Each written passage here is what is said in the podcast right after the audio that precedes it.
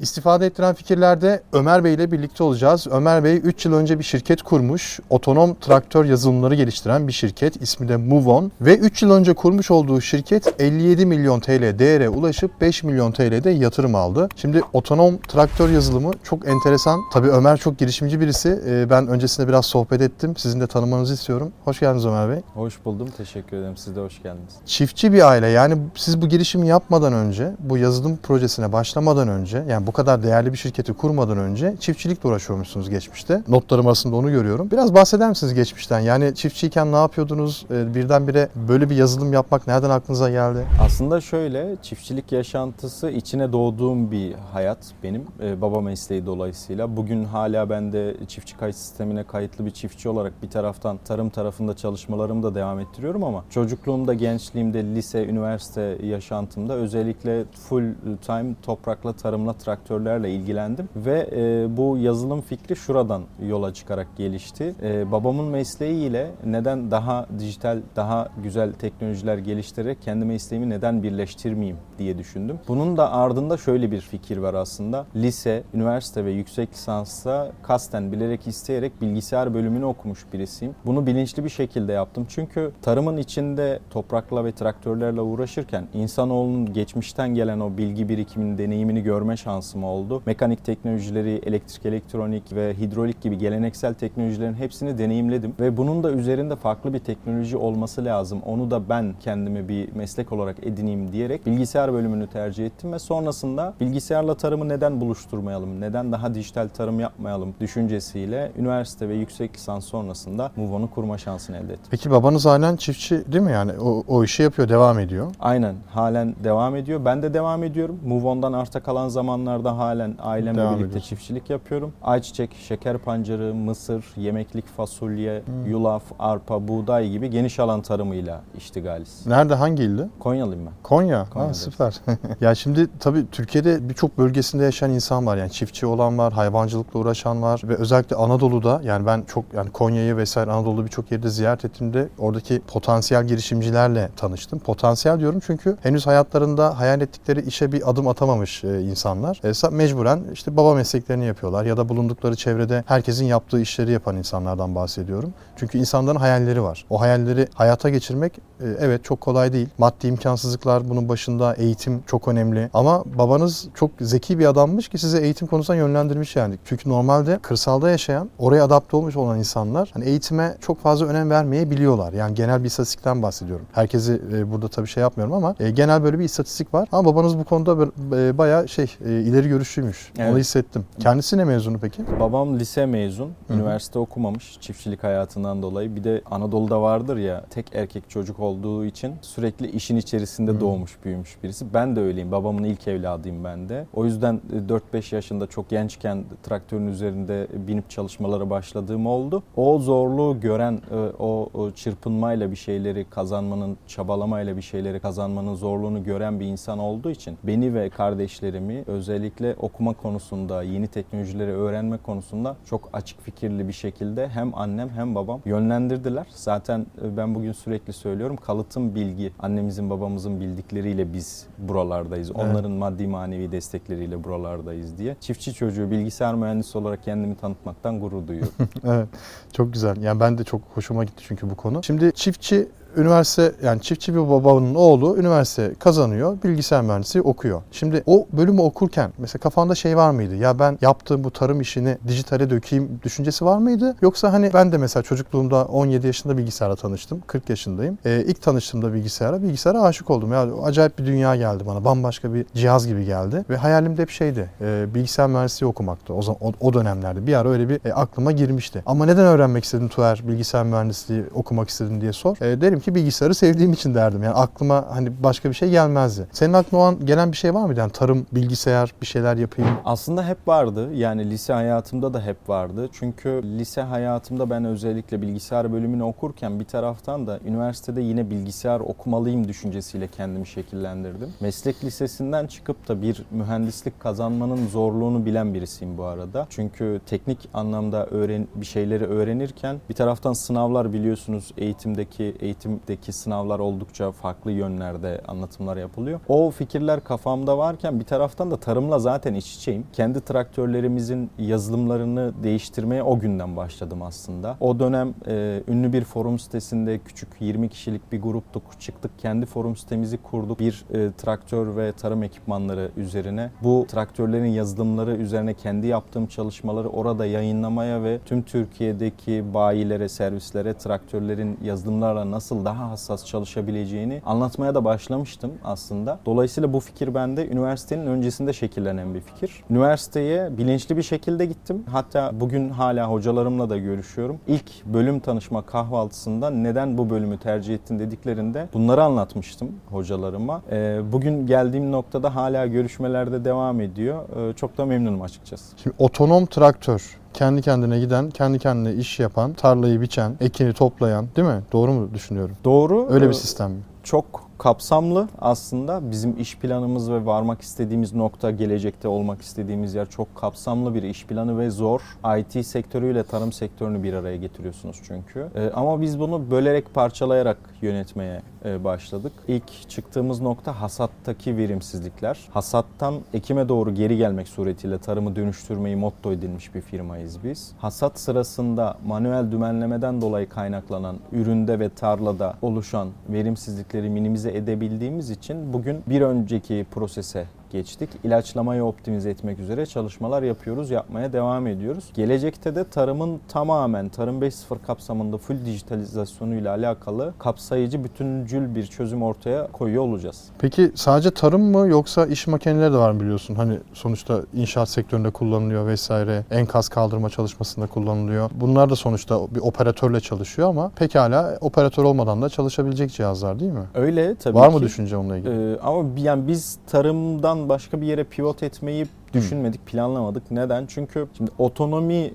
perspektifinden baktığınızda on-road ve off-road diye ikiye ayrılıyor sektör. On-road taraf zaten regüle oldu. Bugün otonom araçlar, elektrikli işte tırlar, kamyonlar, otobüsler çok fazla görüyoruz ama off-road tarafta inşaat ve tarım var sizin de dediğiniz gibi. Ve buralar on-road gibi regüle değil. Yani gideceği bir yol yok, önüne çıkacak bir engeli yok veya hani karmaşık bir alan değil. Ee, environment'ı, bulunduğu çevresi çok e, regüle değil burası tarım ve inşaat. Tarımı çözmek zaten başlı başına bir problemken çok fazla e, sorunla uğraşıyorsunuz çünkü. Bunu çevirip inşaata pivot etmek biraz zor ki orayla uğraşan startuplar da vardır elbet. Biz de tanıyoruz. Ee, biz full dedike tarım çalışıyoruz kısaca. En iyi bildiğimiz işi yapıyoruz yani. Peki çok yeni bir şirket yani 3 yıl önce kurulmuş bir şirket. 2020'de yine pandemi döneminde kurulmuş. Belki de pandeminin bir ürünü de bu, budur muhtemelen. Çünkü pandemi döneminde başarıya ulaşan işler bugün kat be kat çok hızlı büyümeye başlıyorlar. Ve 3 yıl önce kurulmuş bir şirketin 57 milyon TL değere ulaşması, 5 milyon TL yatırım alması evet olası ama otonom traktör yani şey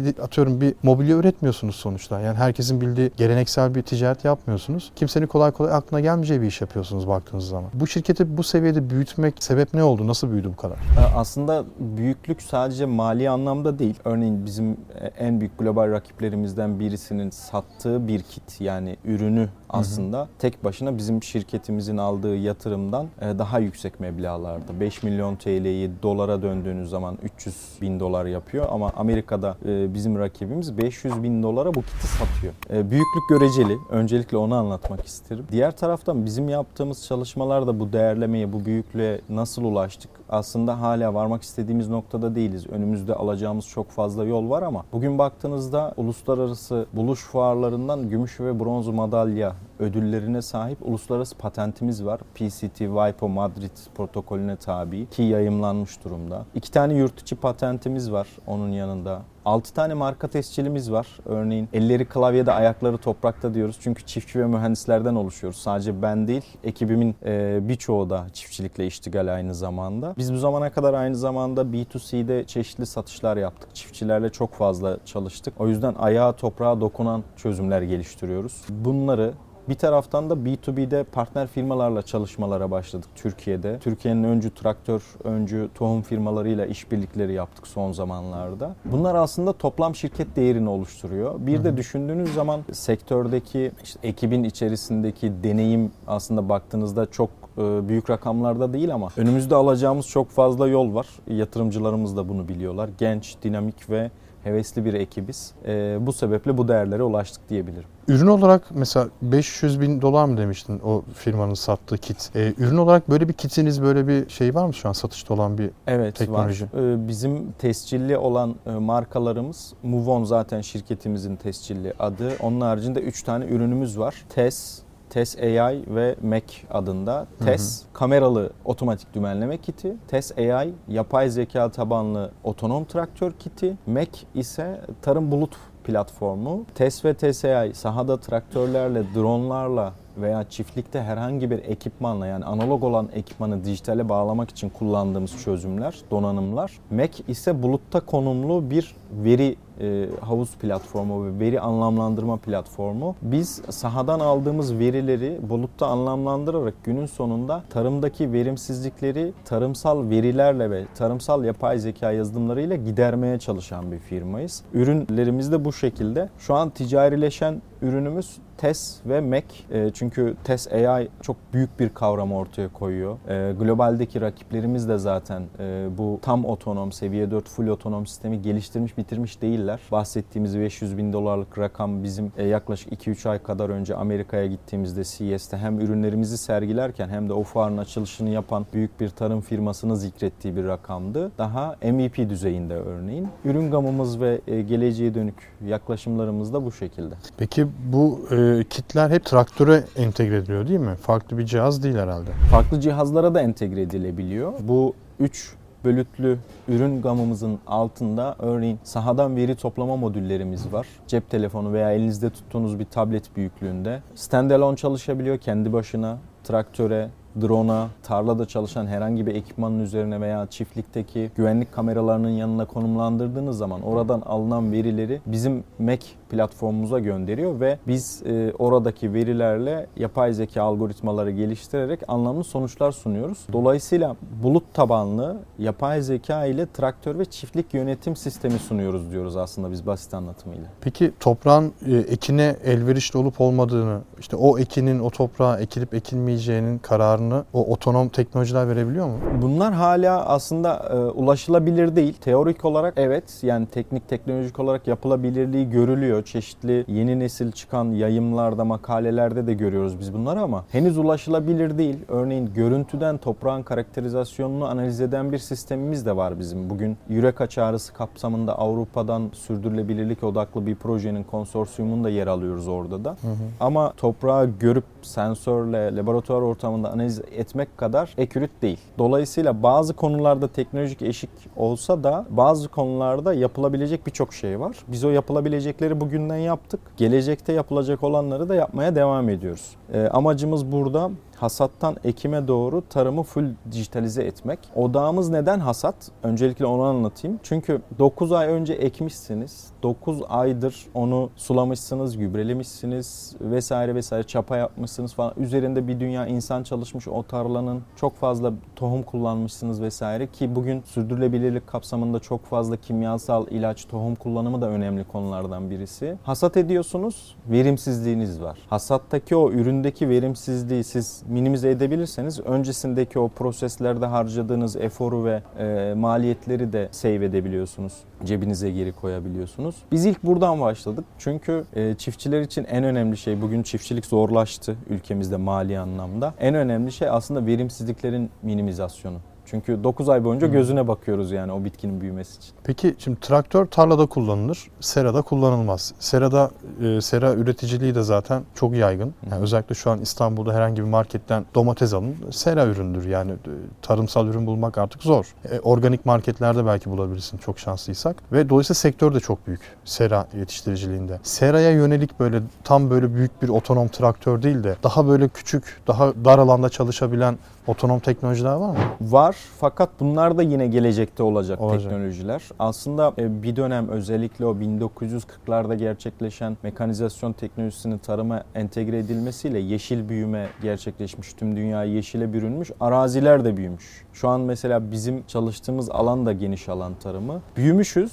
ama gelecekte tekrar küçüleceğiz. Çünkü mobilite kavramı önem kazanıyor günümüzde. Küçük, kendi başına tıpkı evimizi temizleyen o robotlar gibi tarlada da kendi başına hiçbir insan müdahalesine gerek kalmadan çalışabilen robotlar ulaşılabilir hale gelecek. Bunu hayvancılıkta ülkemiz bir yerde yaptı. E, tarımda da yapmak zorunda kalacağız. Dolayısıyla bugün geniş alanda çalışan küçük bir robot e, ertesi gün örtü altı yetiştiriciliğinde serada da çalışabilir olacak. Ama bugün e, Türkiye'de en yaygın olan şey ne? Geniş alandaki traktörler. Dolayısıyla biz ilk oraya çalışıyoruz. Ee, gelecekte tabii mobilite kapsamında küçük minimal robotlar çıkarıp diğer sektörlere, tarımın diğer alt kırılımlarına da hizmet veriyor olacağız. Ben şeyde görmüştüm. Bayağı oldu ama 3 sene önce e, bir web sayfası vardı. Tabii konumuzla çok alakası yok ama benzediği için söylüyorum. E, cep telefonundan üye oluyorsun. Kendi ürünlerini, ekinlerini kendi yetiştiriyorsun. Şey gibi, e, oyun oynar gibi. Buraya domates ek, e, tarlan var. Buraya biber, biber ek, buraya bilmem ne ek. Hepsini ekiyorsun. E, bir yetiştirme süresi var. Mobil uygulama sana diyor ki domates diyor burada atıyorum 6 ayda çıkar diyor. Biber 4 ayda yetişir diyor vesaire. Zamana gelince sana bildirim geliyor. Diyorsun ki topla. Ama bunlar bu arada şey e, oyun değil. Gerçekten orada yetiştiriyorlar. Sen ek dediğin için ekiyorlar. Topla dediğin zaman gidiyorlar topluyorlar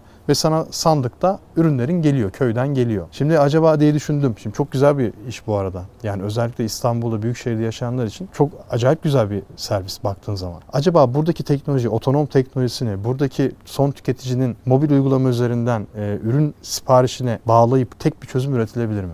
E, zaten aslında bizim e, şu anki teknolojik kabiliyetlerimizin bir benzeri, bir aynısı aslında. Sizin söylediğiniz örnek Hı. cep telefonundan uzaktan başka bir yerde memleketteki bir serayı, bir oradaki ekim dikim robotunu veya sulama sistemini mobil uygulamadan kontrol edebilmenin adı sensör füzyonu, bulut tabanlı haberleşme diye geçiyor. Bizde de benzer bir teknik var. Örneğin bugün 10 e, tane satışını yaptığımız o hasattaki verimsizlikleri minimize eden çözümlerimizi biz teker teker internete çıkarmış durumdayız. Mobil uygulama geliştirme çalışmalarına da başladık. Cep telefonundan uzaktaki bir traktörü uzak bağlantıyla yönetebiliyoruz yapabiliyoruz. Ve bu teknolojinin de gelişmesiyle mümkün. Nasıl yapay zeka, GPU'ların gelişmesiyle mümkün olduysa bugün hayatımızda 5G, LTE, 4G gibi teknolojiler geliştikçe bu tarz uzak müdahale çözümleri de sensör füzyonu müdahale çözümleri de mümkün hale gelecek. Sizin dediğinizde zaten neden olmasın? Yani bugün bunu konuya başka bir yerden bakmak gerekirse sürdürülebilirliğin yanında aslında izlenebilirlik de var.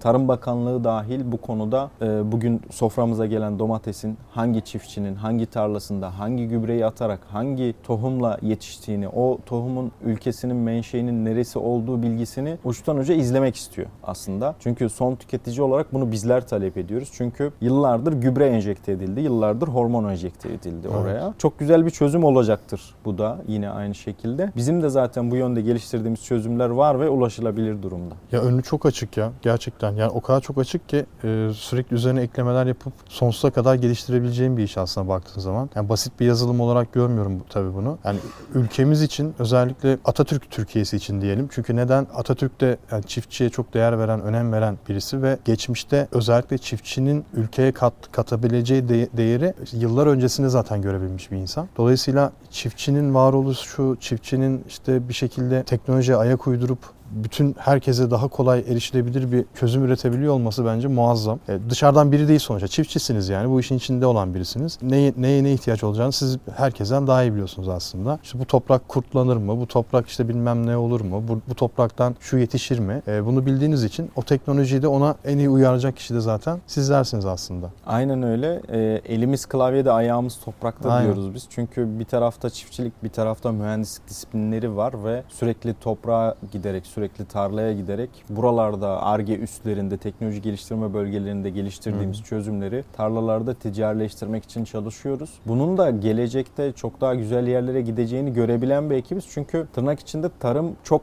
bakir bir alan evet. e, teknolojinin penetrasyonu için. Çünkü geri kalmış. Öncelikle yeniliği hep başka sektörlere getirmişiz. IT sektörü, bilişim sektörü hep gelişmiş ama hı hı. tarıma yeni yeni o da pandemiyle beraber dünyanın bakış açısı ve dijitalizasyonu önem kazanmaya başlandı, başladı. Bizde tam 2019'da TÜBİTAK'la kurularak bugün 10 kişilik bir ekip olarak ve yavaş yavaş Türkiye'de çalışmalarını tamamlamış, global açılıma da başlayan patentli, tescilli ürünleriyle, yeni nesil yıkıcı inovasyona sahip ürünleriyle doğru zamanda doğru yerdeyiz diye teknolojiyi de el birliğiyle e, geliştireceğiz diye düşünüyoruz. Çok teşekkür ederim. Ağzınıza sağlık. Ben teşekkür Gerçekten ederim Tanıştığıma da çok memnun oldum. Çok sağ olun. Gerçekten Ömer Bey'le sohbet ettiğim için ben de çok memnun oldum. Umuyorum siz de istifade etmişsinizdir. Yorumlarınızı merak ediyorum. Ayrıca siz de Ömer Bey gibi buraya konuk olabilirsiniz. Konuk olmak için aşağıda bir formumuz var. O formu doldurmanız yeterli olacaktır. Görüşmek üzere.